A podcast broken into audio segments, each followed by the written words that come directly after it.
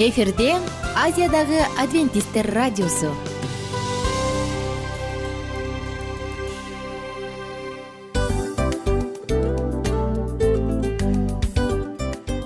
Достор салют. Баардык сүйүктүү угармандарыбызга салам айтабыз. Кутман күнүңүздөр менен.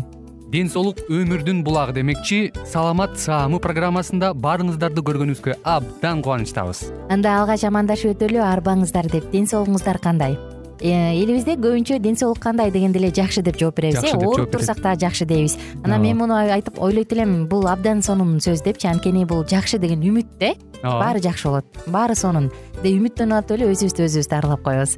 Анысы кандай? Сиздин дагы ден соолугуңуз жакшы беш деген үмүттөбүз чындыгында ден соолук бул өмүрдүн булагы деп бекеринен айтылган эмес деп ойлойм. Кыргыз элинде анткени эгерде ден соолук жок болсо анда адамдын жашоосунда калган баардык керектүү маңыздуу нерселер өзүнүн баалуулугун жоготуп коет. Ошондуктан ден соолук бул эң керектүү нерсе. Ооба туура айтасың кесиптешим. Чынында ден соолугуң жок бир эки үч күн ооруп калсаң эле э кандай болуп калат? Жашоодо көз каранды болуп каласың көп нерсеге жетишпей каласың көп нерсени кыла албай каласың жада калса эшикке дүкөнгө да чыга албай каласың. Туптуура анан ден соолук болсо демек биз биздин бактыбыз тоодой деп койсок болот.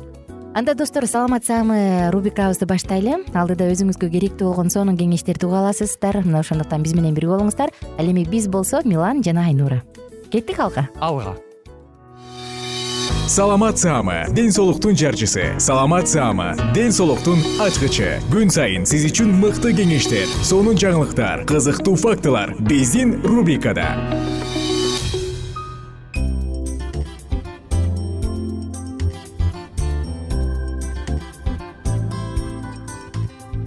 Саламатсыздарбы кадырлуу замандаштар сүйүктүү достор жалпыңыздар менен амандашып биз кайрадан жагымдуу саатыбызды саламат саат рубрикабызды баштадык. Жана бүгүн зара чыкпай калганда эмне кылыш керек? Кандай сок ичиш керек? Мына ушул жөнүндө сөз кылалы деп турабыз.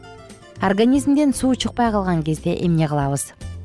Эске сала кетсек бул рубрикада биз сиздер менен бирге пайдалуу суусундуктар деп аталган сонун циклды улантып атабыз. Чындыгында пайдалуу жана керемет суусундуктардын рецепттери менен бөлүшүп аткан чагыбыз болду эле мындай учур. Дааратканага барбай калдың. Зара чыкпай калды. Эртеси эртең менен турсаң көзүңдүн алды шишип бетиң шишип буттарың шишип калды. Эмне болгонун түшүнбөйсүң? Бир эки күн түшүнбөйсүң. Андан кийин үчүнчү күн дегенде бөйрөктөрүң салаңдай баштаганда а мен дааратканага жакшы бара элек экенмин дейсиң э? Анысы кандай достор? Деги эле зара жөнүндө сөз кыла турган болсок келиңиздер бир аз дал ушул зара бөлүп чыгаруучу система жөнүндө бир аз айта кетели. Кандай болот адам ичип жеген тамак заттар анын организмине сиңет. Жана ткань менен органдарда ар кандай химиялык кошулмаларга ажырап организмди ууландыруучу түрдүү уу заттар пайда болот. Ага белоктордун алмашуусунан пайда болгон аммиак булчуңдардын кыймыл аракетинин негизинде келип чыккан сүт кислотасы жана башка уу заттар кирет. Айрым учурда тамак аш менен организмге керексиз уу заттар кириши дагы ыктымал. Ошондуктан организм бул уу заттардын баарын тынымсыз бөлүп чыгарып турушу керек.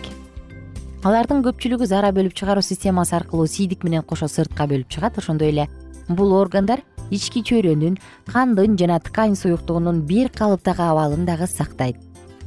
Зара бөлүп чыгаруучу органдарга эки бөйрөк бөйрөктөн табарсыкка сийдик агызуучу түтүк табарсык жана зараны сыртка чыгаруучу канал кирет булардын ичинен бөйрөк алгачкы жана акыркы сийдикти жаратуучу негизги орган ал эми зара агуучу түтүк табарсык жана сийдикти сыртка агызуучу канал сийдикти бөлүп чыгаруучу органдарды түзөт. Бөйрөк жалаң гана сийдик пайда кылбастан ал ренин жана депрессин гормондорун канга бөлүп чыгарат. Бул гормондор организмдеги кан басымын иретке келтирип турат ал эми оң жана сол бөйрөктүн коңулунан сийдик агуучу түтүктөр башталып табарсыкка барып куят зара агуучу түтүктүн узундугу жыйырма беш жыйырма сегиз сантиметр ич көңдөйүнүн аркы бетинде жайгашып анын керегеси үч катмардан турат достор. Табарсык жамбаш жарасынын ичинде жайгашкан табарсыктын көлөмү орточо эсеп менен ымыркайдыкы элүү сантиметр үч жашар баланыкы жүз сексен сантиметр сегиз жашар баланыкы эки жүз элүү сантиметр куб ал эми орто жаштагы адамдыкы жети жүз жети жүз элүү сантиметр кубка чейин жетет. Ай караңызчы э табарсыктын көлөмүн адамдын табарсыгы түбү денеси жана мойну болуп үч бөлүктөн турат. Табарсык зараны чогултуучу резервуар гана эмес аны сыртка бөлүп чыгаруучу дагы орган. Табарсык зараны чогултуп кайра артты карай сийдик агуучу түтүктөргө жибербей кармап турат. Сийдик табарсыктан сийдикти сыртка агызуучу түтүккө өтөт. Анатомиялык түзүлүшү боюнча эркек менен аялдын зараны сыртка агызуучу түтүгү бири биринен кыйла айырмаланып турат. Мына достор ушундай кызык э? Биз көп нерсенеге маани бербейбиз бирок ар бир кичинекей органдын баардыгы тең укмуштуу өзүнүн милдеттерин аткарат дагы анан мунун негизинде биз кадимкидей жашайбыз оорубай жагымдуу сонун күндөрдү өткөрөбүз. Э, элестеткөргүлө мурунку байыркы учурларда батыш европада батыш өлкөлөрүндө анын түштүк жагындагы шаарларында мындай бир салт бар болчу экен да алар кечинде горшоктогу болгон горшокто эмне болсо ошонун баарын терезеден абайлагыла суу! деп туруп анан чачышчу экен да. Элестетиңиз.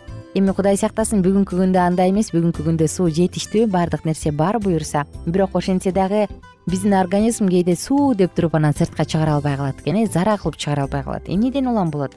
Белгисиз биздин көп учурда тамактануубуз буга чоң себепкер болот дейт. Тагыраак айтканда биз майдан малдын майынан жасалган тамактар менен өтө эле майлуу тамакты жегенибизден белокко бай тамак ашты жегенибизден учурда биздин бөйрөктөр жалкоолоно баштайт экен дагы алар сийдикти бөлүп чыгарбай калат экен.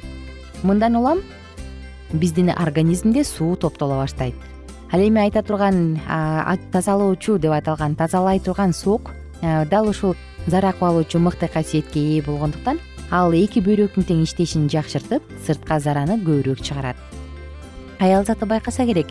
Баягы айыз келерден бир нече күн мурун алардын беттери шишип кол буту шишип калганын байкасаңыз керек э? Анткени мындай учурда мындай учурда бизде гормоналдык перестройка пайда болот дагы. Биз көп учурда көзүбүздүн алды төш жагыбыз алакандарыбыздын шишип калганын байкайбыз. Анткени мындай учурда организмден суу көп чыкпай калат кан басым жогору учурда дагы тазалоочу деп аталган сок биздин денебизден кан басымды кайрадан калыбына келтиргенге жана зараны чыгарганга жардам берет. Анда эмесе достор ингредиенттер. Жөнөкөй жана жеткиликтүү сонун ингредиенттер калемсап кагазды алыңыз дагы жазып алыңыз. Сизге эки порция үчүн эмне керек? Канча азык керек? Ар бир порция эки жүз элүү миллилитрден ошондо бул жарым литр сок үчүн. Алты сабиз бир бадыраң жана үч сельдерей төрт даана петрушка жана төрт аш кашык лимон ширеси эми сабизди бадыраңды сельдерейди петрушканын баардыгын тең соковыжималкадан өткөрүп жууп тазалап алган соң соковыжималкадан өткөрүңүз ага лимон ширесин кошуңуз дагы татымына жараша өзүңүз даамдатып алсаңыз болот. Болду? Даяр жана жөнөкөй. Мындай сок заара кубалоочу касиетке ээ тазалайт. Жана ошондой эле артериалдык кан басымды төмөндөтөт жана организмди тазалайт. Караңыздарчы достор жөнөкөй жана жеткиликтүү. Дагы бир жолу кайталайын. Алты даана сабиз бир бадыраң үч сельдерей төрт петрушка төрт аш кашык лимон ширеси. Баардыгын жууп тазалап алган соң соковыжималкадан өткөрөсүз лимон ширесин кошосуз дагы болду иче бересиз дал ушундай азыктарды пайдалануу менен бирге өзүңүздүн ден соолугуңузду чыңдаңыз оорубаңыз жана эч качан оорубаңыз достор мен сиздер менен коштошом. Кайрадан сиздер менен кийинки уктурууда саатыбызды улантабыз. Кийинки уктуруу дагы албетте кызыктуу сонун темалардын бири болмокчу. Күнүңүздөр көңүлдүү улансын маанайыңыздарды эч нерсе түшүрбөсүн бар болуңуздар бай болуңуздар. Бүгүнкү күн жеңиштүү жана жемиштүү күндөрдөн болсун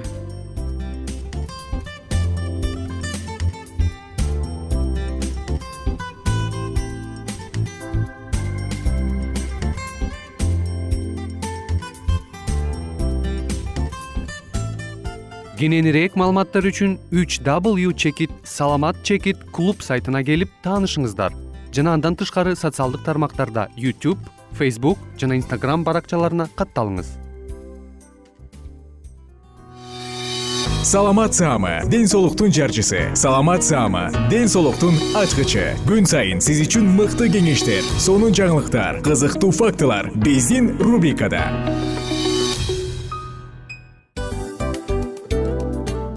салам достор.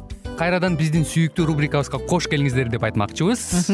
Баардык замандаштарыбызга арбаңыздар деп саламыбызды айтабыз. Улуу ушундай бир урматтаган учурашуу менен анан дил маек радио баракчабызга чакырабыз. Негизи дил маек биздин рубрикабызда эмне жөнүндө кеп кылабыз? Бул дил маектин мааниси эмнеде рубрикабыз менен кичине тааныштырып кетсеңиз. Сөзсүз түрдө тааныштыра кетейин кесиптешим суранычы боюнча бул учурда бул радио баракчада биз ар тарап кесип ээлеринен сонун кеңештерди алабыз сүйлөшөбүз сырдашабыз. Аталарыбыздын эжелерибиздин апаларыбыздын кеңештерин угабыз айтор. Жан дүйнөгө адамдын э, сапатына адамдын деги эле адам болуп жашашына керектүү баардык кеңештер алдыда.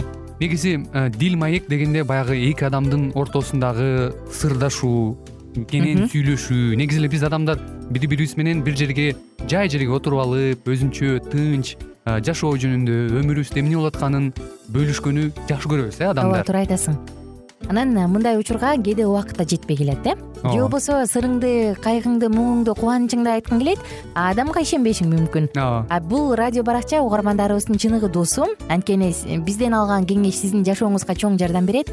Ал эми сиздин бизге айта турган сөзүңүз ортодо гана сыр бойдон калат. Ошондуктан биздин дил маек рубрикабызга дагы бир жолу кош келиңиздер. Жана биз даярдаган маалыматтарга даяр болуңуздар. Айнура жана милан сиздер менен бирге алдыга кеттик ар түрдүү ардактуу кесип ээлеринен. Алтын сөздөр жүрөк ачышкан сыр чачышкан сонун маек. Дил маек рубрикасында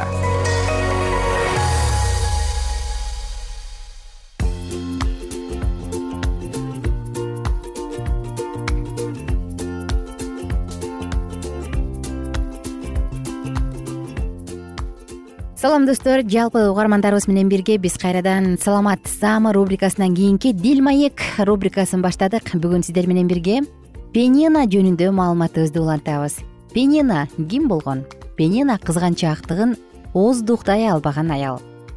Эске сала кетсек бул уктурууда биз аял жубай жана эне деп аталган сонун циклды баштаганбыз. Жана бул уктурууда сиздер менен бирге биз пенинанын ким экендигин мурунку уктурууда ысрайыл элинин ошол учурдагы абалы жөнүндө окуганбыз. Пенина бул баарыбызга бул белгилүү болгондой элкананын аялы э бири аялы. Элкананын эки аялы болгон анын бири пенина экинчиси анна. Аннанын балдары жок болчу а пенина көп балалуу болгон. Ошонусунан улам ал негизи эле үй бүлөдө баягы бир башка бирөөнү сүйөйүн ыраазы болоюн деген түшүнүгү жок. Ушундай бир ыраазы болгонду билбеген кызганчаак аял болот. Анан колдон келсе кайсы жерден мүмкүнчүлүк болсо ошол жерден ал аннаны басынтып эле жатып калчу. Өзгөчө майрамдарда элдин баары агылып шаарга барганда элдер баары бала чакалуулар өздөрүнчө барса байкуш анна алардын арасынан бөлүнүп калчу дейт караңыздарчы элкананын үй бүлөсүндө башкалардын ар биринде кудайга өзгөчө кызмат кылууга көңүл бурган ар биринин өзүнүн диний милдеттери болуптур а бирок пенинанын аны менен иши болгон эмес дейт караңыздарчы. Биз бүгүн уктуруубузду андан ары улантабыз. Анда бир аз эртерээк баштайлы түшүнүктүүрөөк болуш үчүн.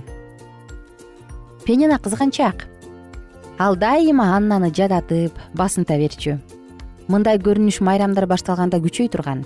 Анна үчүн майрамдар өзүнчө эле кыйноо болчу. Анткени майрам күндөрү адамдар шылага үй бүлөлөрү менен чогуу кудайга табынууга барышат. Ошондо анын баласыздыгы өзгөчө байкалып кайгысы көбөйө турган. Пенина аннаны ыза кылуу үчүн баарын кылат. Көрө албастык отоо чөп сыяктуу анын жүрөгүндө өсүп жатты.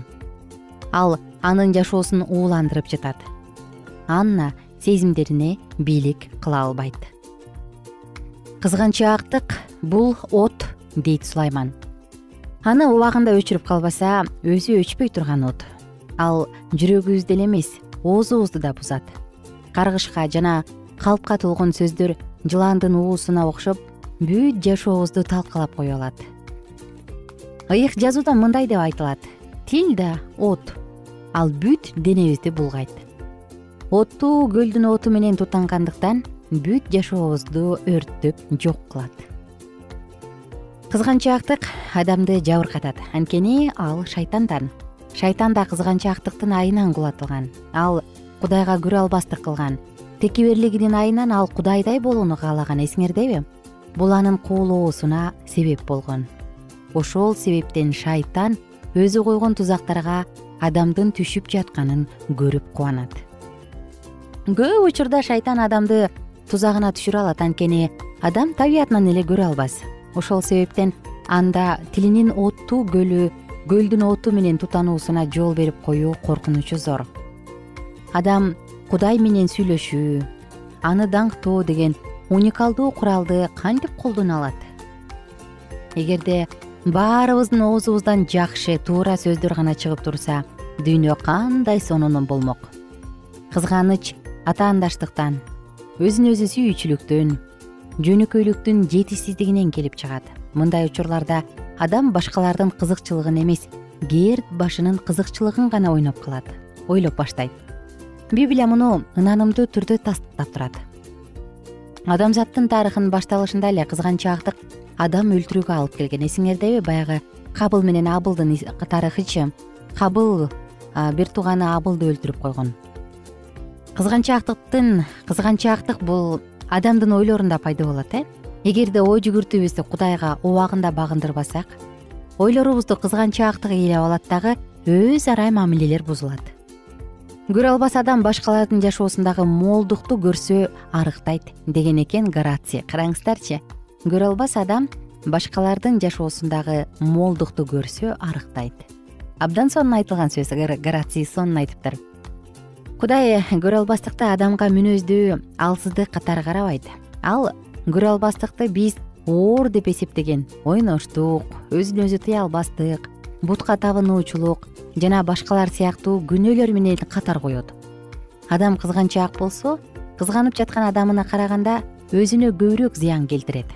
Кызганычтын жашыруун күчү мына ушунда.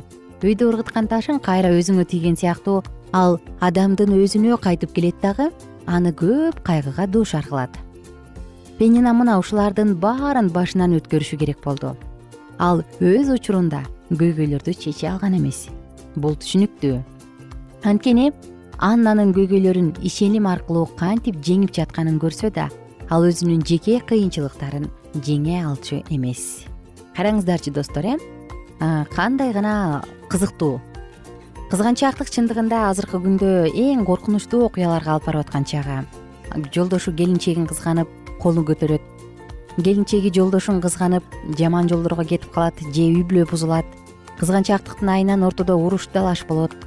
Бири бирине ишенбестиктен улам кызганчаак келет. Эгер кызганчаак эмнеден улам келет дегенде албетте анын себептери көп э. Адам өзүнө болгон баасы төмөн болсо.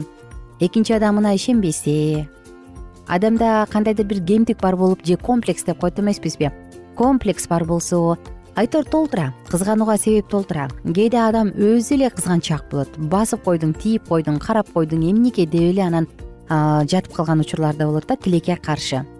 Негизи мындай болбош үчүн мындайдан алыс болуш үчүн үй бүлө бекем болуш үчүн албетте жубайлар бири бирине ишеним артып бири биринин алдында ишенимдүү жүргөнү маанилүү. Ошондуктан достор биз каалайт элек ар бир үй бүлө бекем болсо деген. Бул кызгануу бир гана жубайларга эле эмес э? Бир туугандар бири биринен ата энесин кызганат. Жумушту кызганат кийимин кызганат жеген тамак ашын кызгангандар бар. Айтор кызганыч негизи адамды баардык жагынан кормоондай бир кичинекей дубалдын арасына кысып келет. Мындай сезимден алыс бололу жана биздин жашообуз эркиндикте жан дүйнөбүздүн эркиндигинде болсун сиздер менен коштошчу учур келди кийинки уктуруубузда. Анна эмне болот? Мына ошол жөнүндө сөз кылабыз. Ага чейин кайрадан амандашканча сак саламатта туруңуздар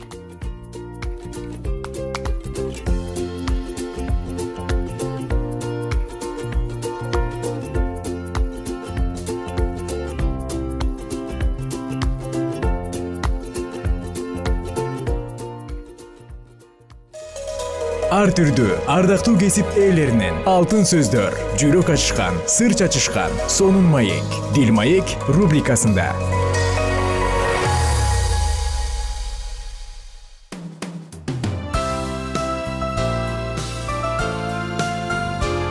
Эфирде азиядагы адвентисттер радиосу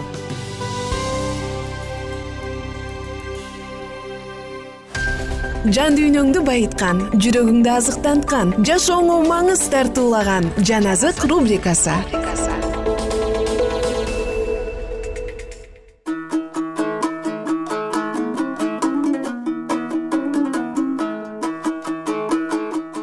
Кутман таң ардактуу достор кутман күн ардактуу замандаштар жалпыңыздар менен куш убак күнүңүздөр менен деп учурашканыма абдан кубанычтамын.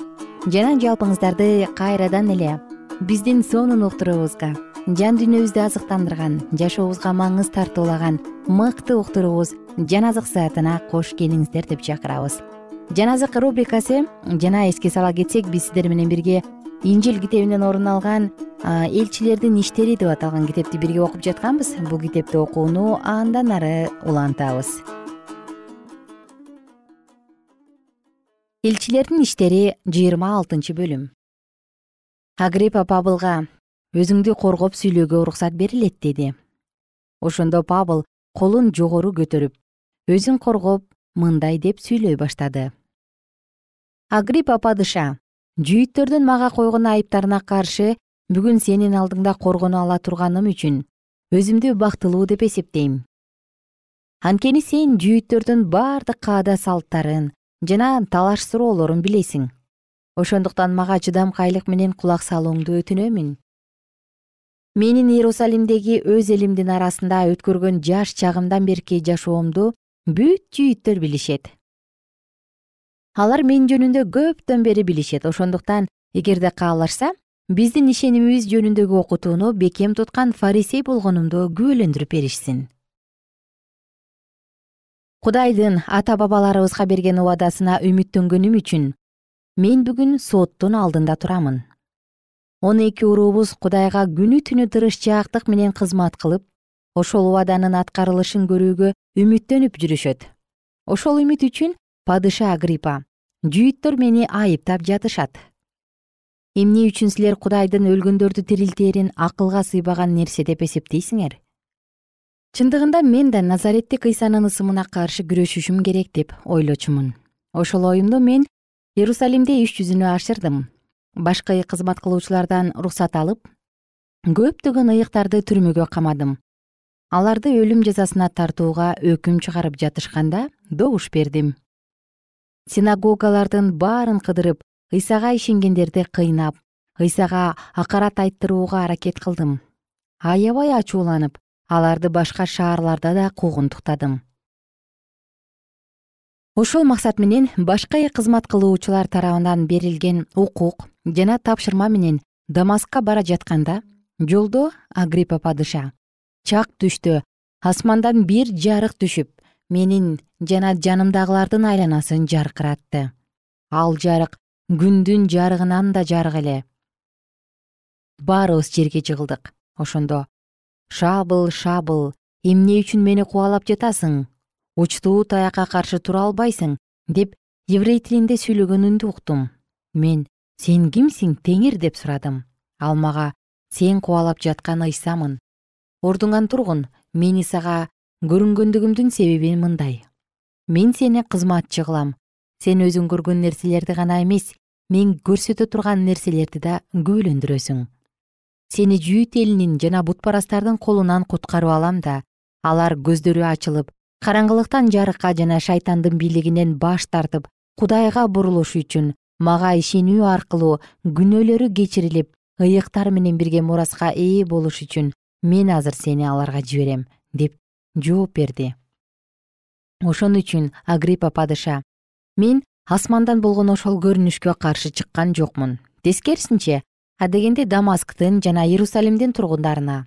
Андан кийин бүтүндөй жүйүт аймагына жана бутпарастарга тобо кылгыла кудайга кайрылгыла тобо кылганыңарга ылайык иштерди кылгыла деп насааттап жүрдүм.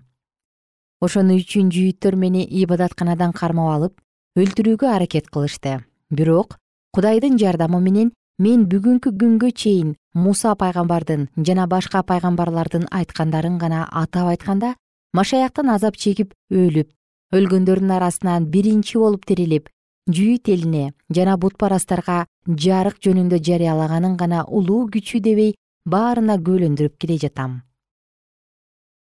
Пабыл өзү коргоп сүйлөп жатканда фест катуу үн менен акылыңдан адашып жатасың пабыл көп билгендигиң сени акылыңдан адаштырып жатат деди. Жок урматтуу фест деди пабыл акылымдан адашкан жокмун тескерисинче чындыкты жана туура сөздөрдү айтып жатамын бул жөнүндө падыша билет ошондуктан мен анын алдында кайраттуулук менен сүйлөп жатам.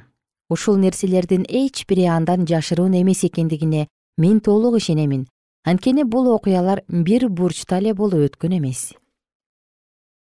Агриппа падыша сен пайгамбарларга ишенесиңби?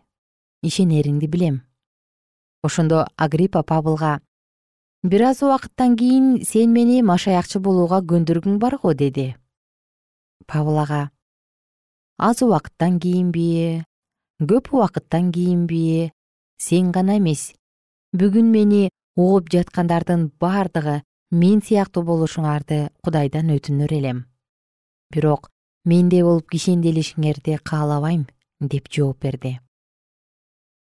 Пабыл ушул сөздөрдү айтканда падыша башкаруучу бернике жана алардын жанында отургандар орундарынан турушту да четке чыгып өз ара мындай деп сүйлөшүштү. Бул адамдын өлүм жазасына тарткыдай же кишендегиндей кылмышы жок экен ошондо агриппа фестке рим падышасынын өкүмүн талап кылбаганда аны бошотууга болор эле деди. Ошондуктан башкаруучу аны падышага жиберүүнү чечти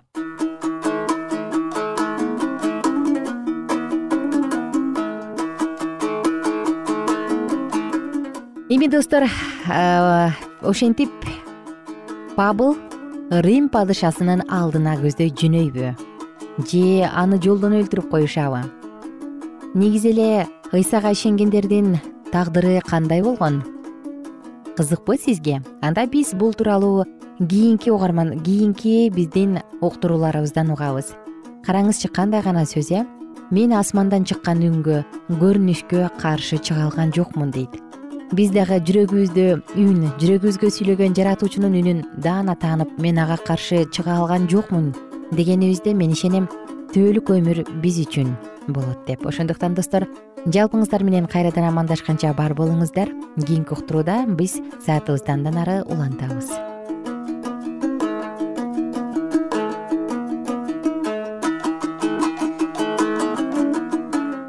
эгер сиздерде суроолор болсо же көбүрөөк маалымат билем десеңиз анда биздин whatsapp номерибизге жазыңыз. Плюс бир үч жүз бир жети жүз алтымыш алтымыш жетимиш. Кайрадан плюс бир үч жүз бир жети жүз алтымыш алтымыш жетимиш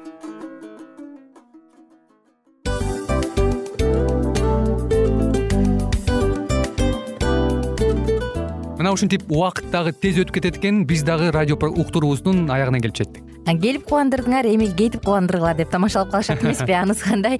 Радио баракчабызды программабызды азыр эле баштап аткандай болдук элек. Мына соңуна келдик э? Негизи убакыт э, билинбей өтүп кетет экен?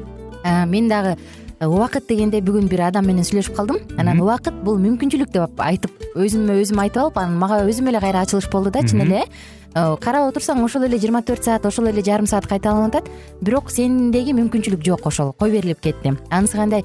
Бүгүнкү сонун убактыңызды алтындай болгон жарым саатыңызды бизге бөлүп арнаганыңыз үчүн ыраазычылык айтабыз. Анан жашооңуздун кайсы бир сферасын өзгөртө турган сонун пайдалуу кеңеш алган болсоңуз анда биз максатыбызга жеттик. Анан ушул нерсени кылбасам десеңиз ошол өзгөрүүлөрдү кичинекей кадамдардан баштап иш жүзүнө ашырыңыз дагы жашооңузда чоң чоң ийгиликтерге жетиңиздер чын жүрөктөн ар бир берилген кеңештер сөздөр сиздерге пайдасын алып келет деп ишенебиз. Жана кийинки уктурууларда сөзсүз түрдө чыдамсыздык менен сиздерди күтөбүз. Сагынычтуу салам айтып кайрадан дал ушул жыштыктан баардыгыңыздарды тосуп алганча кызматта мен айнура жана кесиптешим милан. Анда кол булгалайбыз жалпыңыздарга ийгиликтүү күн. Саламатта калыңыздар